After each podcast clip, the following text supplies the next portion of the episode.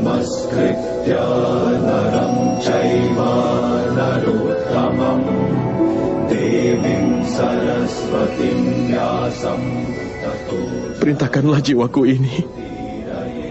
Arahkanlah jalan hidupku ke arah benar, Madawa.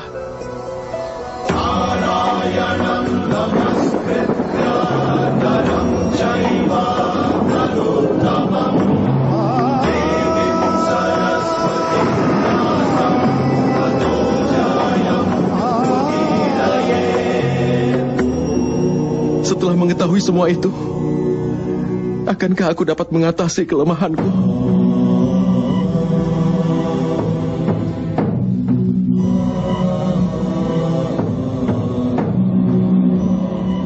Bangunlah, Parta.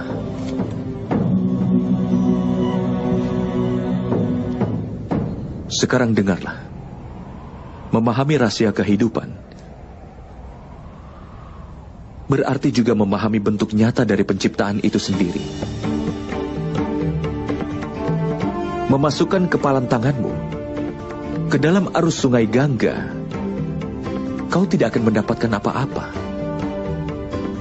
Tetapi jika kau membuka telapak tanganmu di arus sungai Gangga, maka air suci Gangga akan dapat dinaikkan hingga ke kepala. Pikirkanlah, Parta. Apakah itu kepalan tangan keangkuhan? Atau tangan terbuka dari pengorbanan yang telah kau pikirkan? Dapatkah kau memahami pengetahuan ini?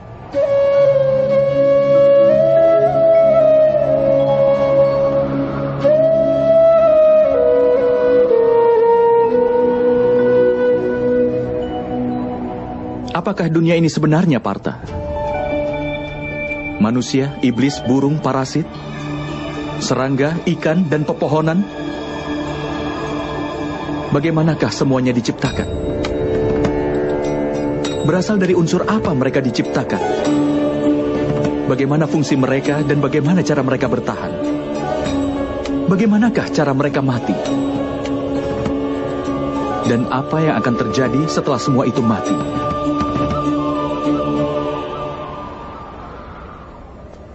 Renungkan akan rahasia ini.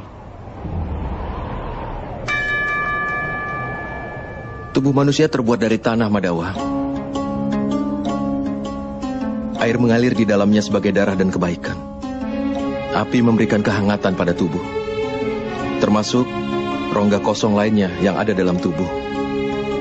Karenanya, tanah, udara, air, api, dan juga ruang Tubuh terbuat dari kelima elemen dasar yang disebut Pancamahabuta.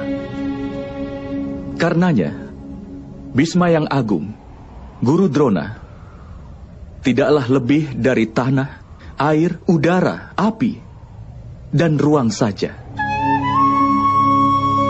Bahkan orang pintar pun terdiri dari kelima elemen itu. Begitu juga dengan para tirani.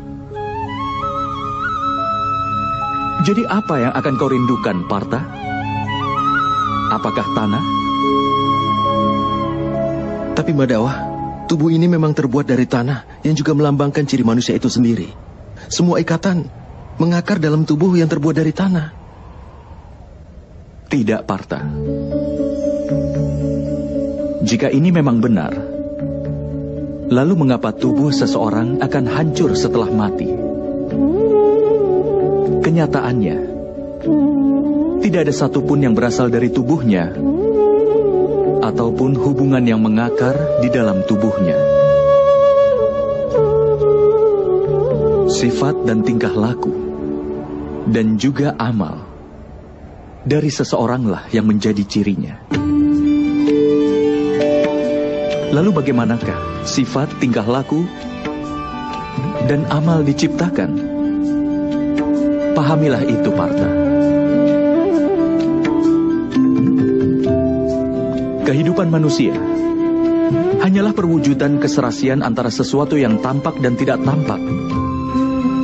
Tetapi sifat dan amal dari setiap manusialah yang membuatnya akan menjadi berbeda. Dasar untuk ini adalah tiga sifat manusia yang disebut triguna. terdiri dari tamas, rajas, dan satwa. Apa yang dimaksud dengan itu, Madawa? Tamas berarti kebodohan. Menghabiskan hidup tanpa memikirkan, baik atau buruk bisa dikatakan tamas yang berhubungan dengan kebodohan. Seperti halnya kehidupan binatang, yang semata-mata hanya untuk memenuhi keinginan tubuh mereka. Satwam sendiri artinya adalah kebaikan. Ketika seseorang dalam situasi tertentu memikirkan keadilan, kebenaran, dan tradisi sebelum melakukan sesuatu, maka dia disebut sebagai satwam yang berhubungan dengan kebaikan. Di tengah kedua hal itu adalah seseorang yang menguasai ilmu pengetahuan, tapi dia juga tertarik akan nafsu tubuh dan juga pikirannya. Seperti manusia yang hidup dengan keangkuhan, artinya rajas yang berhubungan dengan nafsu. Dengan menciptakan keseimbangan antara kebodohan, nafsu, dan juga kebaikan, maka sifat manusia dapat ditentukan.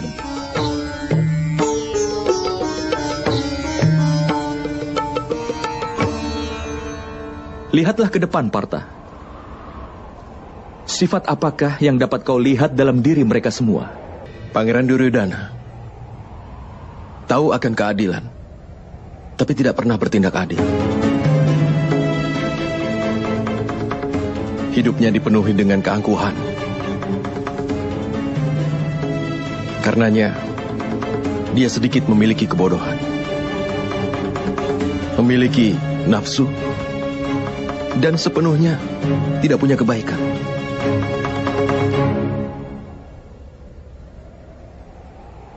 Dan di sana ada Pangeran Dursasana. Dia selalu mematuhi perintah dari kakak tertuanya tanpa berpikir lagi. Karenanya, dia memiliki kebodohan. Lihat juga kakekmu Bisma Parta. Dia punya keseimbangan antara kebaikan dan kebodohan. Dia tidak memiliki keangkuhan. Tetapi dia terikat dengan pemikiran usang dan tradisi yang kuno. Bahkan ketika keinginannya muncul, dia tidak bisa melanggar sumpahnya.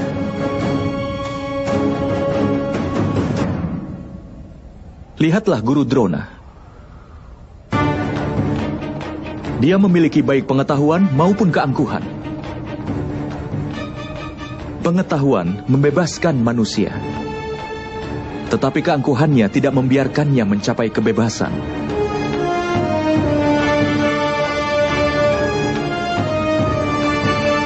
Tapi Madawa, jika sifat manusia adalah kesatuan dari tiga sifat manusia, apakah perbuatan manusia sudah ditakdirkan sebelumnya? Seekor singa akan memangsa rusa, dan rusa ditakdirkan untuk takut pada singa. Lalu kenapa keadilan jadi hal yang penting? Mengapa kejahatan mendapatkan hukuman? Lalu apa tujuan semuanya?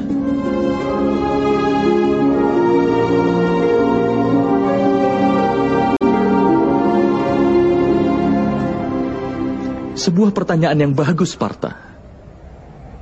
Tapi pertama-tama pahamilah apa yang dimaksud dengan manusia itu. Manusia tidak hanya gabungan dari lima elemen dasar itu. Tidak hanya kelima wujud itu.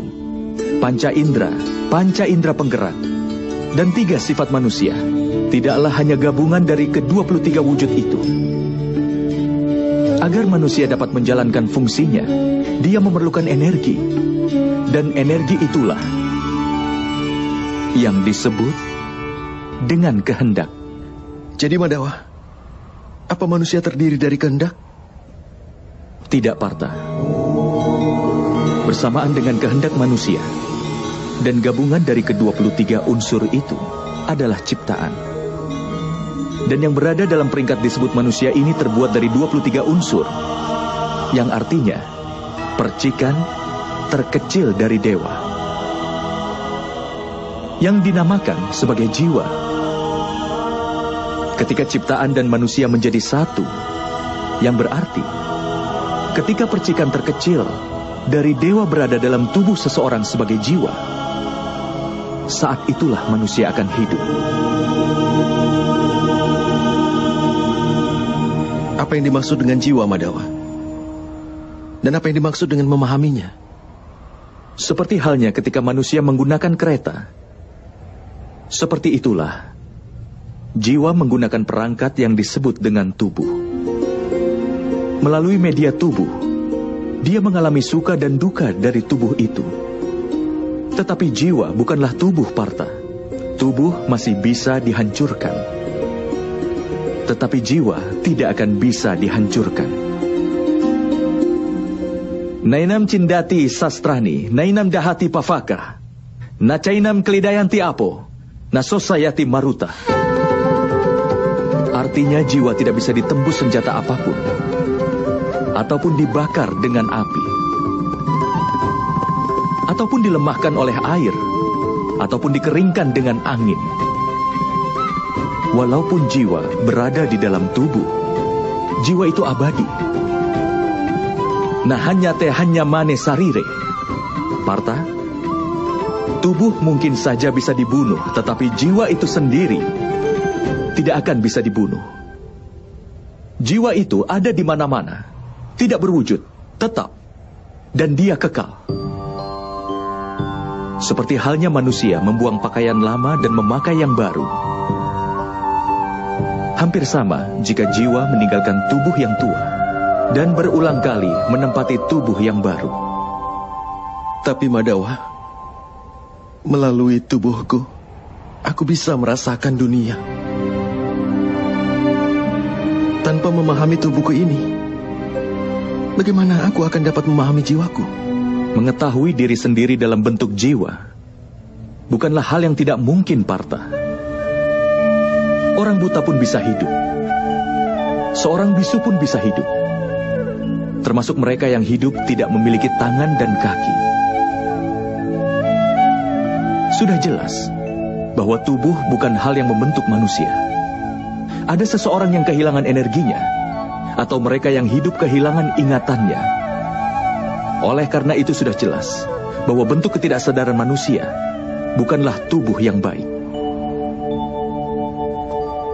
Seseorang yang menjelajahi dirinya dengan cara seperti ini, aku bukanlah indera, juga bukan tubuh, juga bukan perasaan, bukan juga pemikiran, atau bukan juga pendapat.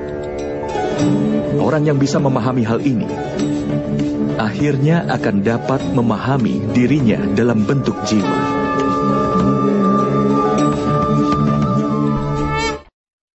Apakah tujuan dari jiwa itu sendiri, Madawa? Ketika ciptaan tersebut terpisah, dan ketika manusia dan alam diciptakan, maka manusia yang adalah bagian dari dewa menjadi jiwa dan berdiam dalam setiap wujud penciptaan jiwa itu sendiri dikelilingi oleh nafsu dan kegelapan parta. Terbangun dari lelapnya nafsu belaka dan memahami dirinya sebagai bagian dari dewa adalah sebuah tugas, tujuan, dan tekad jiwa itu sendiri. Tapi Madawa, jika setiap jiwa adalah bagian dari dewa, apa perkembangan dan kemunduran dikendalikan sendiri oleh dewa. Seperti permata tergeletak di tanah, tidaklah hilang kilauannya. Demikian pula, jiwa yang dikelilingi oleh wujud penciptaan yang mengetahui bahwa ini merupakan bagian kecil dari dewa. Seringkali jiwa menganggap bahwa tubuh mereka adalah segalanya. Mereka berbeda dengan jiwa itu sendiri yang tidak mereka ketahui melalui sebuah penderitaan, bau, rasa yang dirasakan oleh tubuh, maka akan dianggap sebagai sebuah pengalaman. Dan mereka tidak pernah berusaha keras untuk berubah.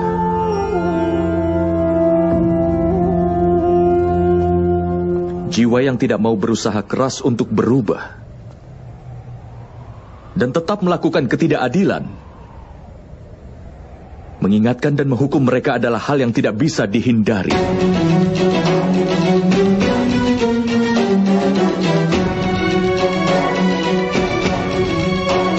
Kau lebih baik memahami hal ini juga, Parta. Bahwa kau bukanlah tubuh, tetapi sebuah jiwa. Setiap prajurit yang ada di medan pertempuran ini tidak seperti yang ada di dalam pikiranmu. Mereka semua telah tinggal di dalam tubuhnya untuk beberapa waktu. Tubuh mereka akan mati. Tetapi jiwa mereka semua abadi. Mereka akan menempati tubuh baru lagi. Sampai mereka tidak menyadari dirinya sebagai jiwa yang murni sampai mereka menyerahkan ketidakadilan dan mencamkan keadilan ke dalam dirinya. Mereka akan terus lahir dan kemudian mati. Ini adalah pelajaran pertama dari Brahma Widya Parta. Mereka yang lahir sudah dipastikan akan mati. Dan bagi mereka yang telah mati, sudah pasti akan dilahirkan kembali. Pengetahuan ini disebut dengan Samkhya Yoga.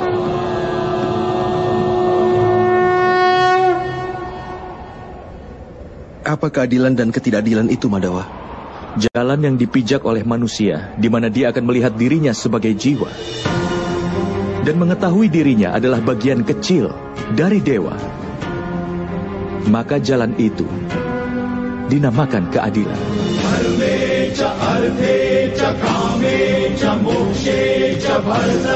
Ketika manusia mengetahui bahwa dirinya adalah bagian kecil dari dewa, maka dia akan mendapatkan pencerahan bahwa dia itu ciptaan dewa dan dewa adalah penciptanya. Tidak ada perbedaan di antara ciptaan dan dewa.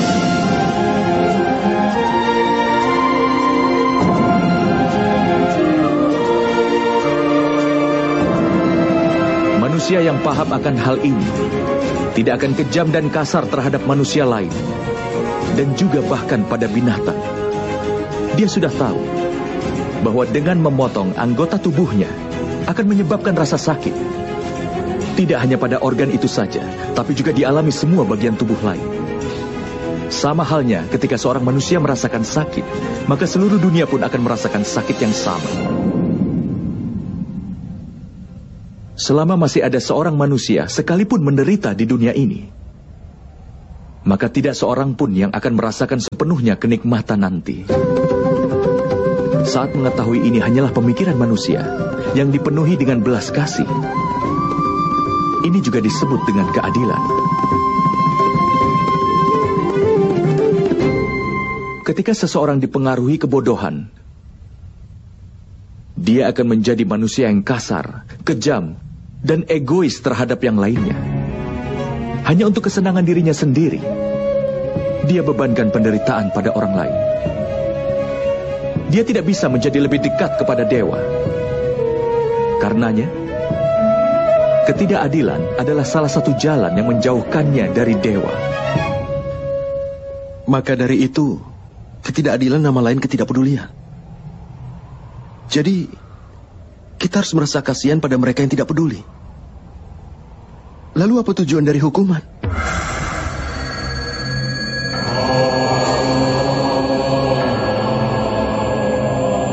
Ketika seseorang enggan mengetahui nilai dari pengetahuan, atau bahkan enggan untuk melirik pengetahuan itu, maka hukumannya adalah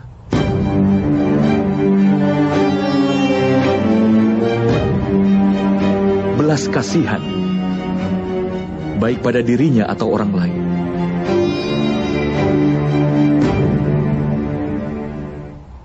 Tahap-tahap penciptaan akan selalu menurut kehendak dewa. Itu tidak akan terelakkan. Tetapi bersamaan dengan berkembangnya ketidakpedulian, nafsu, dan juga ketidakadilan, maka keadilan di dunia ini akan berada pada jurang kehancuran. Hingga di dunia ini tidak ada keadilan lagi.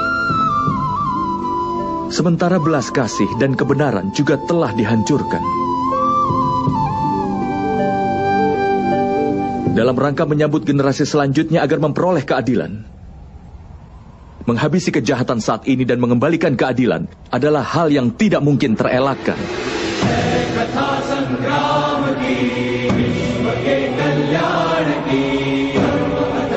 Hari ini keadaannya hampir sama, Partha. Dan kewajiban untuk menegakkan keadilan ada di tanganmu. Mulai sekarang atasilah kelemahanmu itu. Dan kau bersiaplah untuk pertempuran ini.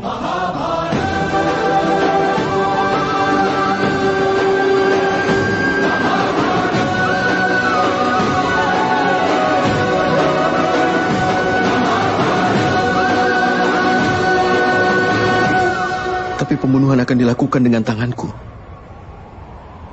Kalau kehidupan ini harus diakhiri olehku, bukankah itu menghancurkan belas kasih yang ada dalam diriku? Dan jika belas kasih adalah dasar dari keadilan, bukankah jiwaku akan menjadi tidak adil?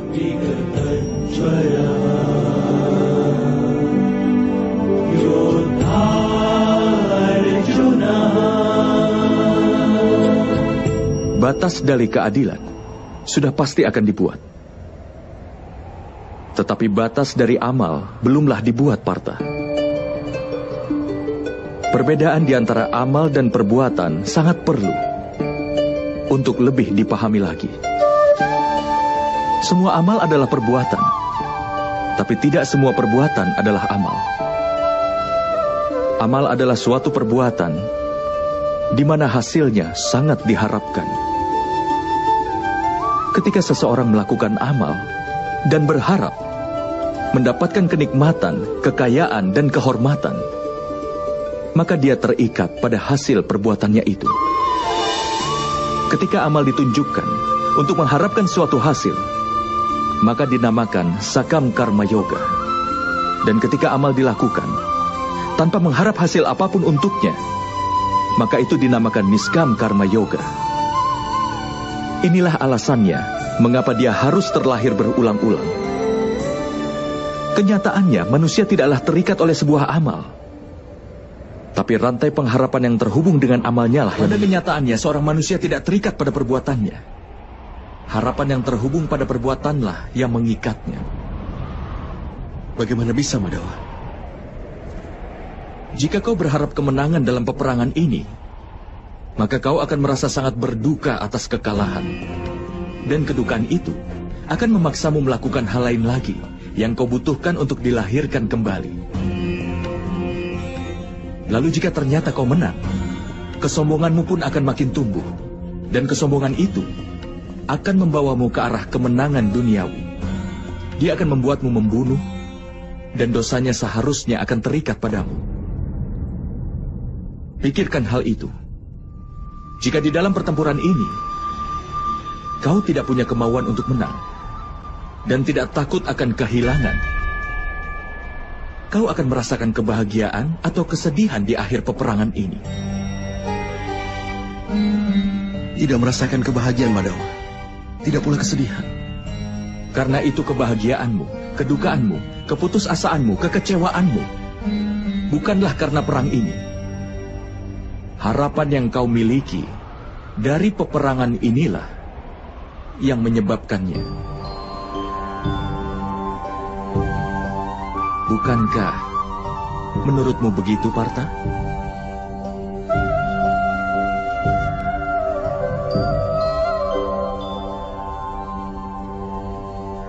Karena itu, memegang sukacita dan duka cita secara seimbang tanpa memikirkan akan mendapatkan kehilangan, kemenangan atau kekalahan. Dan itu artinya, jika kau terlibat dalam pertempuran, maka sukacita, duka cita, kehilangan, kemenangan atau kekalahan, wahai putra Kunti, maka kau tidak akan menanggung dosa apa pun. Inilah yang disebut karma yoga. Orang yang mempelajari pengetahuan tentang Sankhya menyadari kenyataan bahwa dia bukanlah suatu tubuh, tapi suatu jiwa belaka. Bahwa kebahagiaan dan yang dialami tubuhnya hanyalah sampai pada kematian. Dan karena itu tidak nyata, tetapi hanya sebuah ilusi. Baginya, menjadi seorang karma yoga menjadi lebih mudah. Tapi Madawa, jika perbuatan dimaksudkan untuk dikendalikan, bukankah bijak untuk melepas keduniaan dan menempuh jalan kesucian? Pemikiran seperti itu adalah satu-satunya alasan untuk perang hari ini, Parta.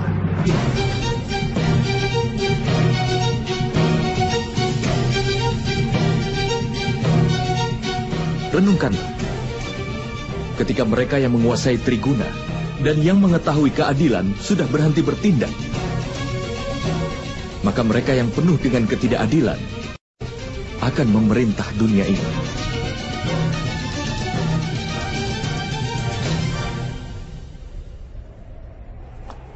Selama Bisma yang agung masih belum meninggalkan dunia ini, ketidakadilan tidak akan tumbuh dengan luas hari ini.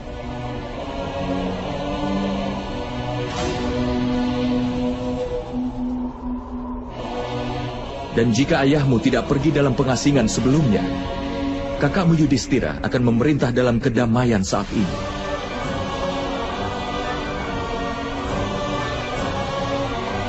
Dan mengajarkan rakyatnya tentang keadilan dan juga kebenaran.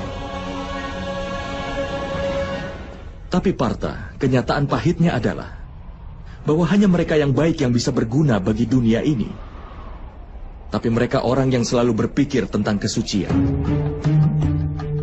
Layaknya air yang melayang sebagai uap dan debu yang tetap berada di sana. Sama halnya dengan orang suci dan terpelajar yang meninggalkan dunia. Dan mereka yang tidak adil namun dikuasai kebodohan sudah memerintah dunia. Atas alasan ini dosa-dosa dan ketidakadilan tumbuh di dunia ini.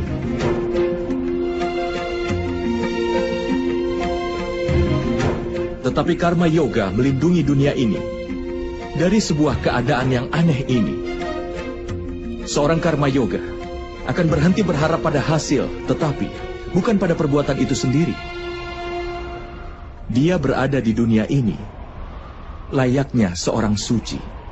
Dia melakukan semua tindakan, tapi tidak kehilangan diri di dalamnya.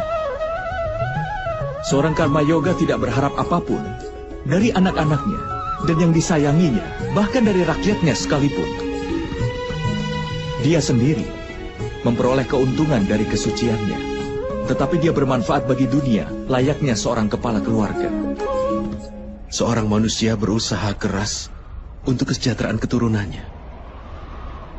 Bagaimana bisa dia tidak berharap sukacita dari keturunannya? Apa pun yang dilakukan oleh manusia untuk anak-anaknya, itu sebuah transaksi atau cinta, Parta. Cinta, Madawa. Lalu mengapa mengharapkan suatu hasil atas perbuatannya, Parta? Keuntungan di masa depan yang diukur dalam suatu transaksi dan bukan dalam cinta? Manusia yang membentuk watak anak-anaknya dengan baik dan melimpahkan kesucian cinta dan keadilan, anak-anaknya tentu akan memberikannya cinta dan perlindungan. Perbuatan dan kelakuan orang yang disayang mencerminkan perbuatannya sendiri. Dan ketika seseorang tidak lagi berhak atas perbuatan mereka sendiri, lalu apa gunanya lagi untuk memiliki harapan besar dan kemudian juga berharap besar kepada mereka? Jika kau pikirkan ini dalam-dalam, Parta, kau akan segera menyadari bahwa tidak ada perbuatan di dalam kehidupan yang menghubungkan harapan dan pengharapan yang tidak terelakkan. Ketika makhluk adalah dewa dan manusia adalah bagian dari dewa, maka semua tindakan disebabkan oleh dewa itu sendiri. Seorang manusia tidak akan melakukan apa pun dengan sendirinya.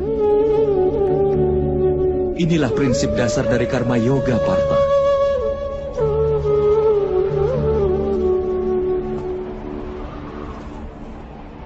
Oleh karena itu, Parta, penting agar kau menjadi seorang karma yoga. Dan berjuanglah dalam peperangan ini dengan melepaskan Triguna Bebaslah darinya, Parta. Bebaslah dari dilema ini. Pikirkanlah selalu kebaikan yang adalah dewa sendiri. Dan lanjutkan semua kewajibanmu. Hasrat yang kau miliki untuk mencapai sesuatu dan pikiran untuk mempertahankan sesuatu yang telah kau capai sebelumnya atau yang telah kau bangun dalam semua harapanmu itu harus dihentikan Parta dan bebaskan jiwamu sekarang juga.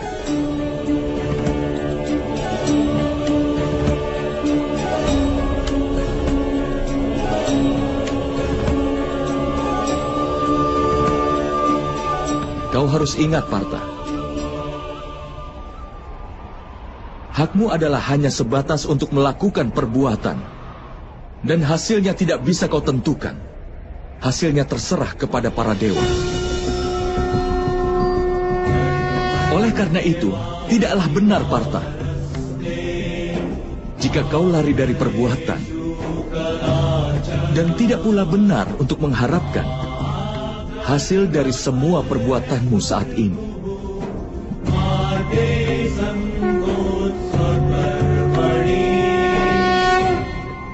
Orang yang tidak mengharapkan hasil, tapi tidak berhenti berbuat baik.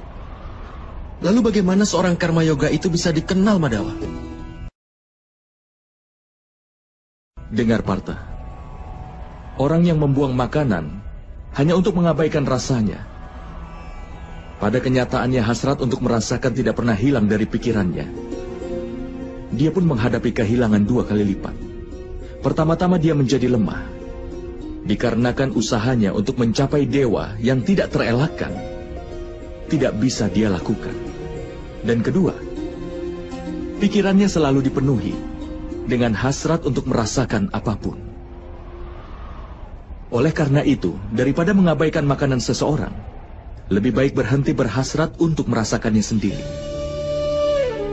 Seorang karma yoga mengeluarkan semua hasrat dalam pikirannya.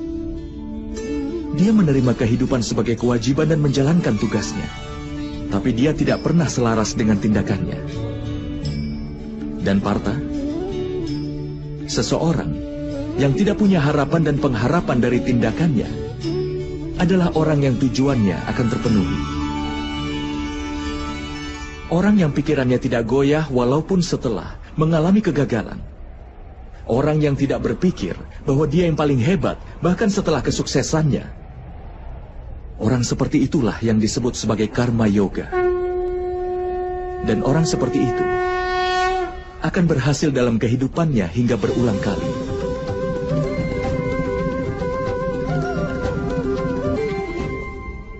Keinginan timbul dari pengharapan akan hasil. Dan ini adalah sifat dari keinginan yang akan tetap tidak akan terpenuhi. Rasa tidak terpenuhi kemudian menimbulkan kemarahan. Dan kemarahan akan menimbulkan hasrat.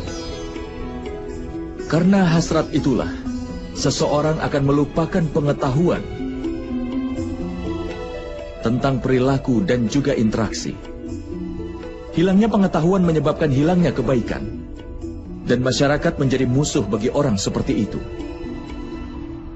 Dan pada akhirnya orang seperti itu akan menemui kehancuran total.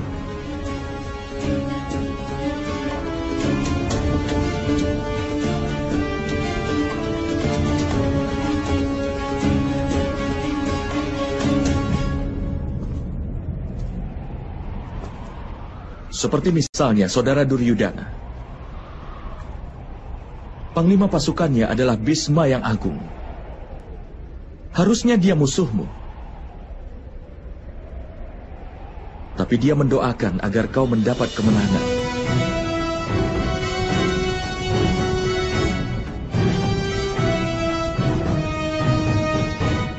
Parta, bertanggung jawab adalah langkah kedua menuju pengetahuan kedewaan.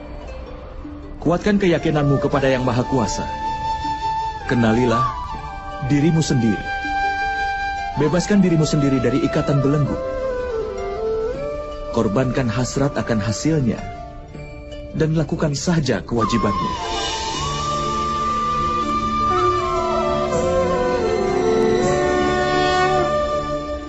dengan menguatkan keyakinanku pada Yang Maha Kuasa. Bagaimana aku bisa menjadi orang yang berbakti?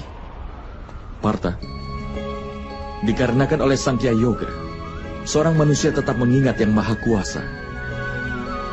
Dan mengingat Yang Maha Kuasa akan melahirkan rasa pengabdian pada manusia itu sendiri. Dan rasa itu disebut dengan pengabdian. Pengabdian mencerahkan seorang manusia tentang mana yang benar dan yang salah. Dan pengetahuan itu memberinya penglihatan terhadap Yang Maha Kuasa. Orang yang mendapatkan penglihatan terhadap Yang Maha Kuasa, dia akan menjadi orang yang paling berbakti. Dia terbebas dari lingkaran kelahiran kembali dan mencapai keselamatannya. Itulah tujuan utama dari semua jiwa dan puncak dari kebenaran. Tapi bagaimana aku bisa berbakti tanpa penglihatan terhadap Yang Maha Kuasa, Madawat? Untuk bisa mendapatkan penglihatan terhadap Yang Maha Kuasa, singkirkanlah keserakahan, kesombongan, kemarahan, dan juga prasangka. Jika seseorang yang duduk dalam gelap berkata bahwa dia ingin melihat matahari, apa yang akan kau sarankan? Tidakkah kau akan katakan untuk keluar dari ruangan itu dan berdiri di bawah langit terbuka? Matahari sudah ada di sana sebelumnya. Sama halnya Parta, alam semesta ini adalah yang maha kuasa. Yang maha kuasa adalah segala sesuatu. Tidak ada sesuatu kecuali hanya dia saja. Seseorang yang melihat jiwanya sendiri akan melihat yang maha kuasa. Layaknya rasa dari sebutir garam tidak berbeda dibanding dengan rasa di lautan. Sama halnya pula, suatu jiwa tidak akan jauh berbeda dari yang maha jiwa.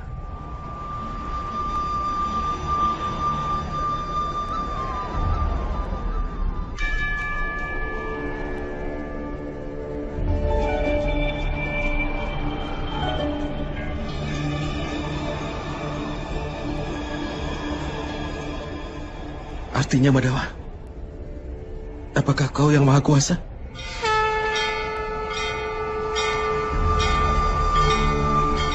Iya, Parta. Aku adalah yang maha kuasa. Sebenarnya sama seperti dirimu. Tapi kau tidak tercerahkan tentang hal itu. Tidak seperti diriku. धर्मस्य तदात्मानं सृजाम्यहम् Lalu, Madawa, mengapa pengabdian kepadamu tidak dianggap sebagai pengabdian kepada dewa? Tentu saja. Pengabdian kepadaku adalah pengabdian kepada yang maha kuasa. Kau tidak perlu merasa ragu. Dan kau tidak perlu merasa khawatir. Korbankanlah segalanya dan dapatkan perlindunganku untukmu, Parta.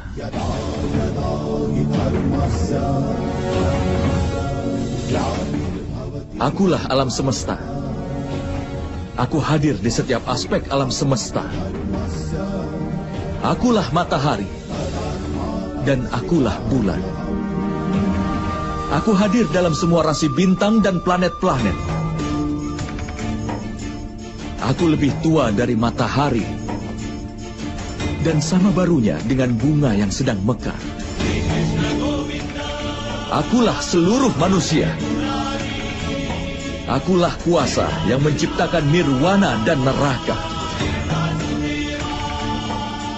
Akulah Duryudana.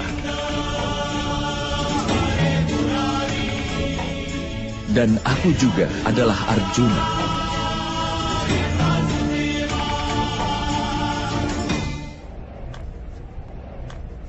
Bagaimana mungkin begitu, Madawa? Karena banyak manusia yang telah menyaksikan kelahiranmu. Bahkan ibumu pun masih hidup. Kau dilahirkan dari rahimnya. Bagaimana kau bisa jadi keduanya dulu dan sekarang? Kau menyaksikan tubuh ini. Dan aku berbicara dari jiwa. Aku telah dilahirkan tidak terhitung. Aku juga memiliki banyak perwujudan. Aku telah berada di dalam banyak rupa, dan aku pun telah mati tepat di sini.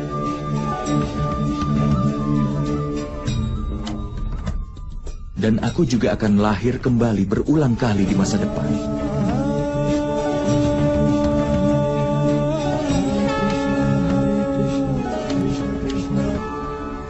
Nampakkan kejahatannya, maka demi menyelamatkan kebenaran itu sendiri, untuk menghancurkan yang jahat dan menegakkan kembali kebenaran, aku akan terlahir kembali. Ini telah terjadi di setiap zaman dan akan terus terjadi di masa depan. Akulah yang maha kuasa. Akulah perwujudan matsya dan juga perwujudan wamana. Akulah para surama dan akulah dewa rahma.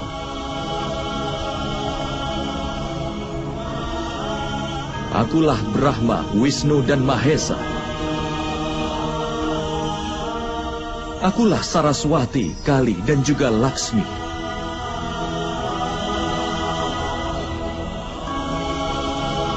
Aku bukanlah pria, bukan pula wanita, bukan pula seorang waria. Aku bukanlah tubuh, bukan pula anggotanya. Akulah pengetahuan, ciptaan, alasan, dan keabadian. Akulah segalanya. Dan aku pun bukan apa-apa.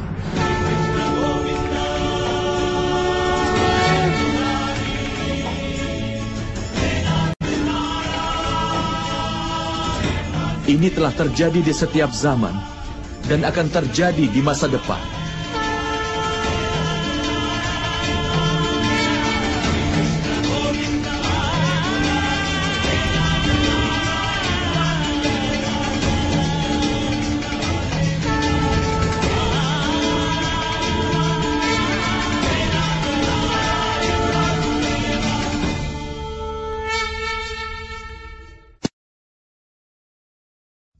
Aku bukan siapa-siapa. Tapi aku adalah segalanya. Itu sudah terjadi dalam setiap masa. Dan itu akan terus sampai selamanya.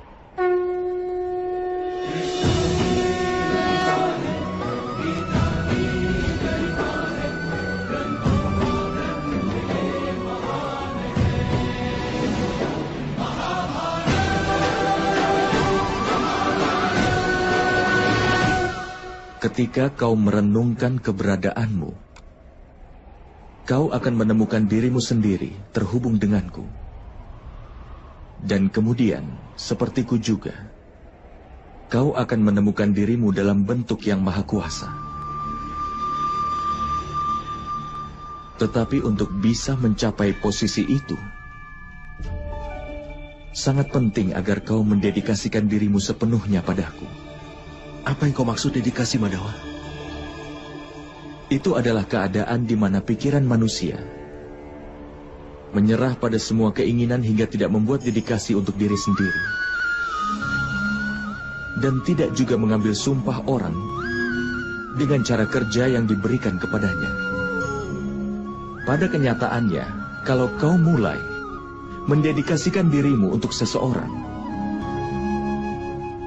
dan kau melakukannya sendiri.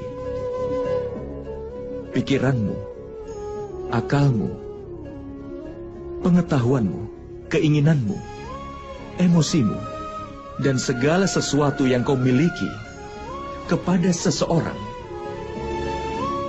maka komitmen tersebut disebut sebagai sebuah pengabdian.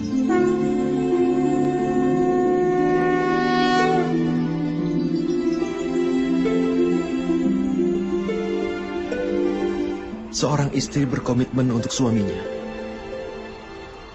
Prajurit berkomitmen pada panglima pasukannya.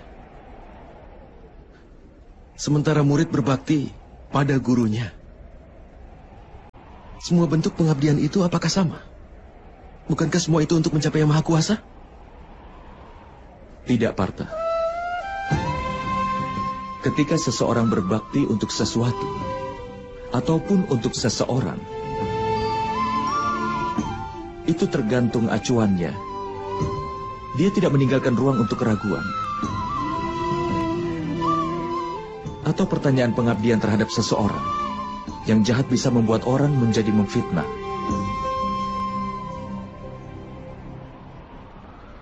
Raja Angga Karna, meskipun tahu apa yang benar, tapi dia berkata salah kepada Pancali di permainan dadu. Wanita yang menjalin hubungan dengan lima pria tidak lebih baik dari seorang Dan alasan untuk itu adalah pengabdian Raja Angga terhadap saudara Duryudana. Hukumannya adalah dengan mendapatkan perang ini. Apakah begitu menurutmu? Itu semua adalah karena kesetiaannya kepada orang yang jahat.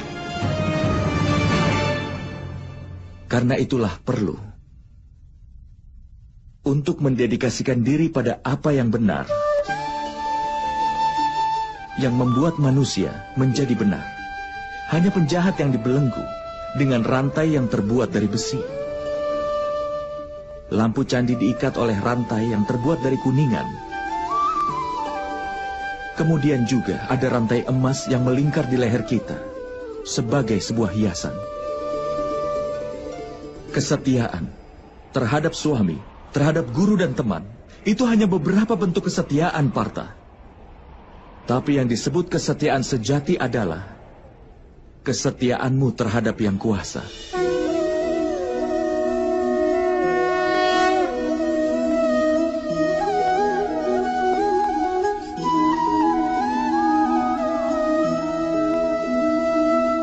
Tapi apa pengabdian terhadap yang kuasa harus dilakukan dengan sang yoga atau karma yoga? Karena Sangkya Yoga, manusia tahu bahwa mereka hanyalah jiwa. Dan karena karma yoga, mereka bisa membebaskan diri dari ikatannya. Dan karena pengabdian hingga manusia mengetahui wujud yang nyata dari Yang Maha Kuasa. Dan manusia juga bisa mengetahui tentang arti keadilan dari Yang Maha Kuasa. Manusia berada dalam lingkaran hidup dan mati hingga demi mencapai kebahagiaan di dunia dan pengetahuan.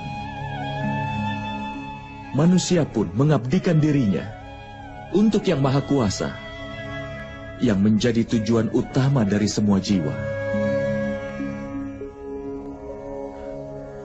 Maksudnya, tubuh manusia ini tidak ada nilainya, Madawa? Itu pasti bernilai, Parta. Tubuh manusia menjadi media bagi manusia untuk bertemu dengan Yang Maha Kuasa. Antara kematian dan juga reinkarnasi, di mana pengetahuan akan jiwa tetap aktif. Dengan segala pengalaman, pengetahuan, dan belajar dari kehidupan yang sebelumnya, jiwa pun menjadi bagian dari tubuh yang baru.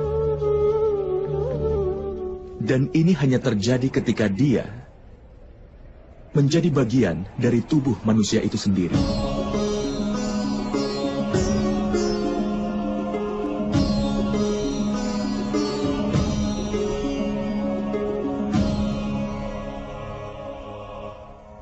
Tapi Madawa, dengan membunuh orang-orang yang hadir di sini, apakah kita tidak menghancurkan kesempatan untuk menyelamatkan mereka?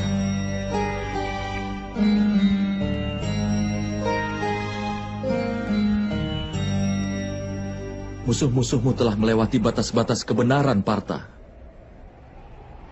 Kejahatan telah menjadi sifat kedua mereka. keselamatan bagi mereka tidaklah mungkin.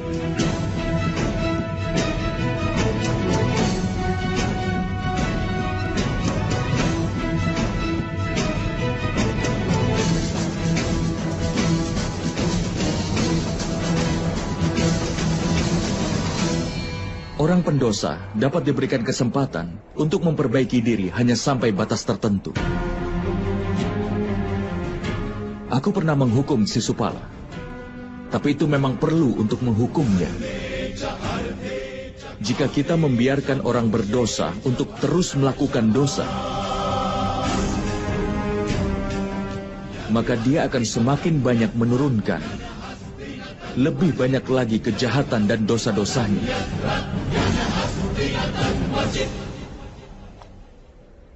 Tugas orang baik adalah menghentikannya melakukan kesalahan lagi. Jiwa-jiwa ini tidak akan mencapai akhir. Tapi tubuh mereka akan rusak oleh ketidakbenaran dan menjadi bagian dari tubuh manusia baru. Tetapi ada lebih banyak kesempatan lagi dalam tubuh baru mereka.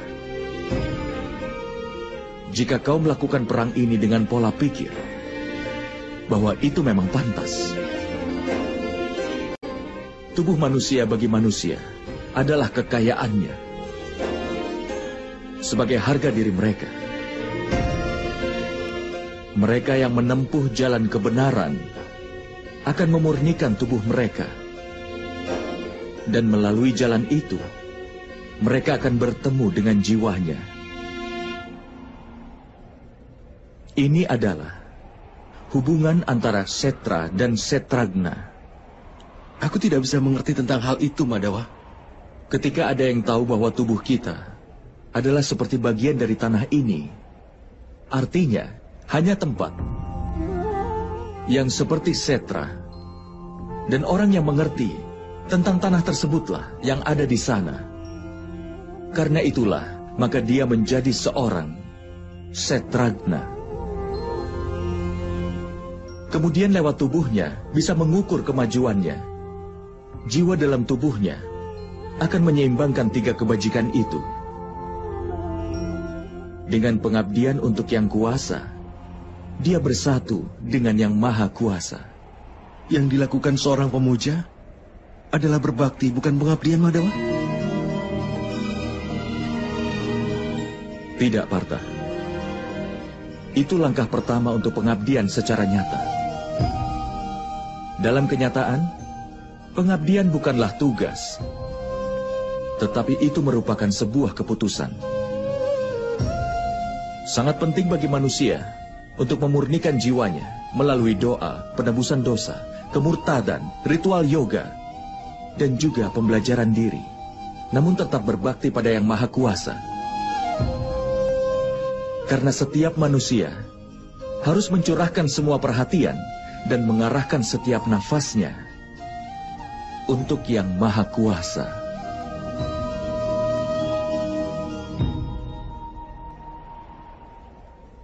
Jika pengabdian adalah keputusan, lalu apa pentingnya berdoa, penebusan dosa, dan hal semacamnya? Hanya cara dan alat untuk membersihkan dirimu hari ini, dan nanti akan kotor lagi. Pikiran manusia akan tertuju lagi pada Yang Maha Kuasa hingga berulang kali. Karena itulah perlu untuk berdoa, penebusan dosa, pembelajaran diri, dan yang lainnya, supaya kau selalu ingat setiap waktu bahwa hidupmu adalah pengabdian untuk Yang Maha Kuasa. Tidak penting bagian sungai mana yang kau selami. Yang penting adalah bahwa kau bisa menyelam. Hanya ada satu dedikasi dari Bakti Yoga. Bahwa dengan menyerahkan kehidupannya ke Yang Maha Kuasa, manusia harus meneruskan pengabdiannya. Untuk Yang Maha Kuasa, agar dia bisa menjaga kebaikan dalam hidupnya. Lalu apakah kebajikan dan kebaikan itu, Madawa? Tanpa alasan, demi kepentingan diri melakukan kekerasan, adalah dosa. Sesungguhnya, anti kekerasan adalah dharma yang utama. Selain itu, kejujuran, tidak emosi, pengorbanan, ketenangan jiwa, tidak menjelekkan orang lain, perasaan ulas asih, tidak tertarik kepada sukacita, tidak melakukan sesuatu tanpa alasan. Tenang, sabar, pemaaf, dan kesucian tubuh, serta tidak melawan kebenaran dan juga tidak angkuh. Sifat-sifat mulia ini disebut sebagai sifat satfin, atau sebuah sifat yang mulia.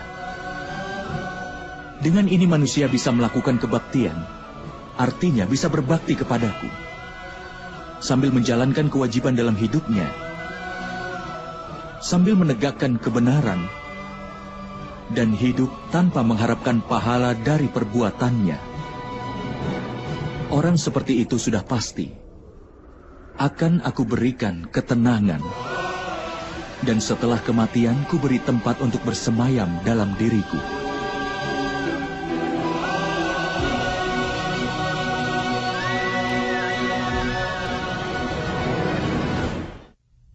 Seperti apakah wujudmu, Madawa?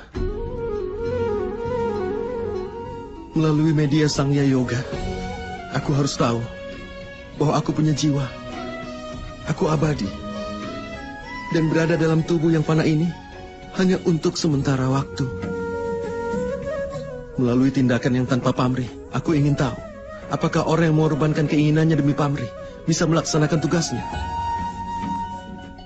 Lalu mencapai ketenangan pikiran dan kebahagiaan dalam hidupnya. Melalui disiplin kerohanian, aku ingin tahu pentingnya penyerahan diriku padamu.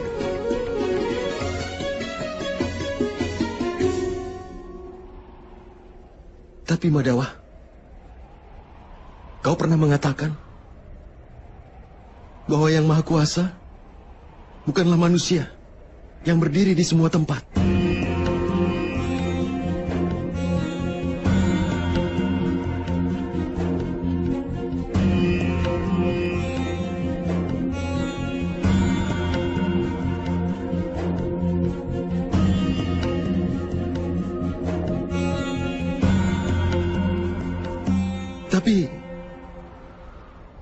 Aku masih melihat manusia yang ada di sini. Hanya manusia, Madawa.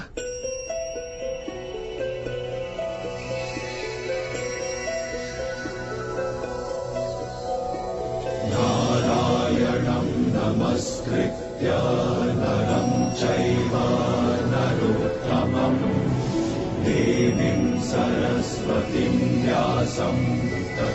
jayam Aku ingin melihat sekilas dirimu yang sebenarnya, Madawa. Kekuatan, kemasyuran, pengetahuan, yang penuh kemewahan, wujud yang kuasa. Aku sangat ingin melihatnya, Madawa. Tunjukkanlah wujudmu yang sebenarnya padaku, Madawa. Hancurkan semua keraguan-raguanku.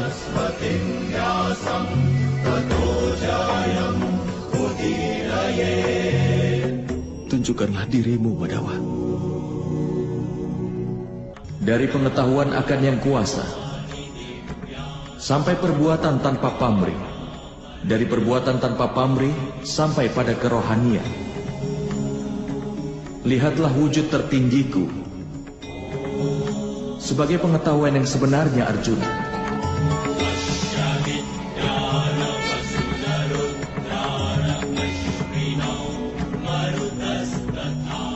Ini pengetahuan tertinggi yang merupakan dasar dari semua pengetahuan dan ilmu pengetahuan.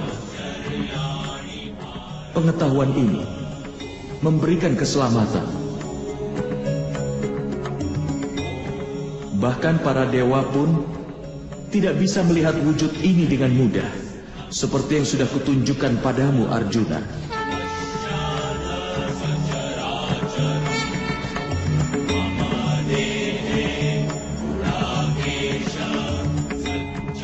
Aku tinggal di masing-masing dan di setiap partikel bumi ini.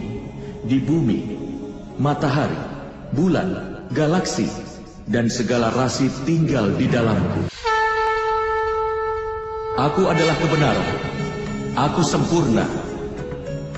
Aku adalah kehidupan. Aku adalah Siwa. Aku adalah huruf yang utama.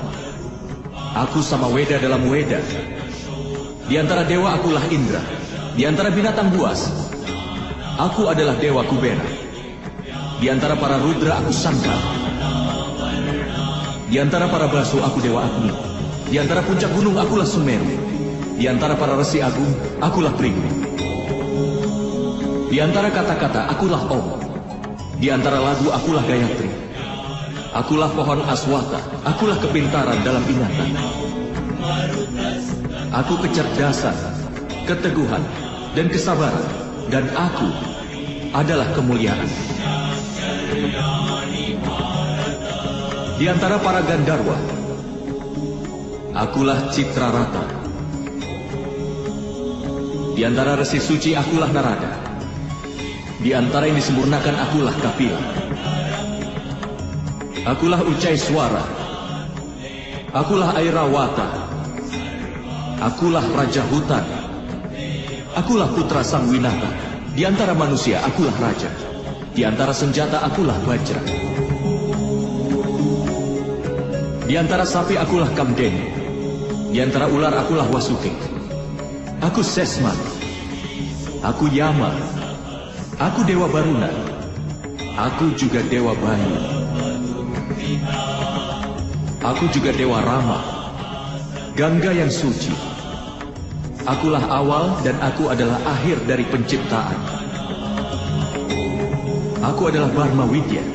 Akulah Mahakala. Dan Brahma. Kemenangan, gizi, dan keputusan. Aku adalah hukuman, kekuatan, strategi, kesunyian, dan aku juga pengetahuan akan filsafat. Akulah Basudewa, Arjuna. Begawan biasa.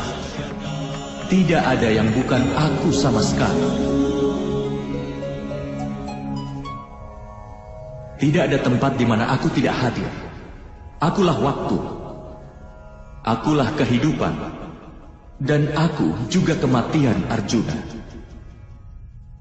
Aku di sini sebagai kematian untuk semua orang yang ada di sini.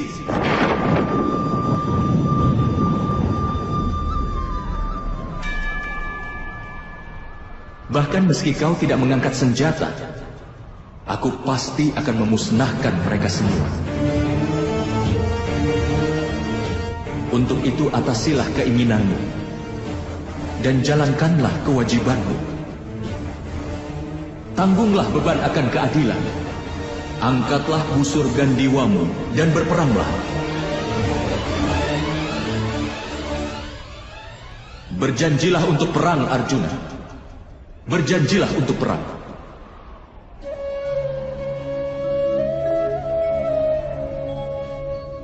Oh, Madawa. Oh, Madhusudan. Hari ini keraguanku telah terhancurkan. Aku mohon kembalilah ke wujud manusiamu. Aku akan mematuhi setiap perintah darimu.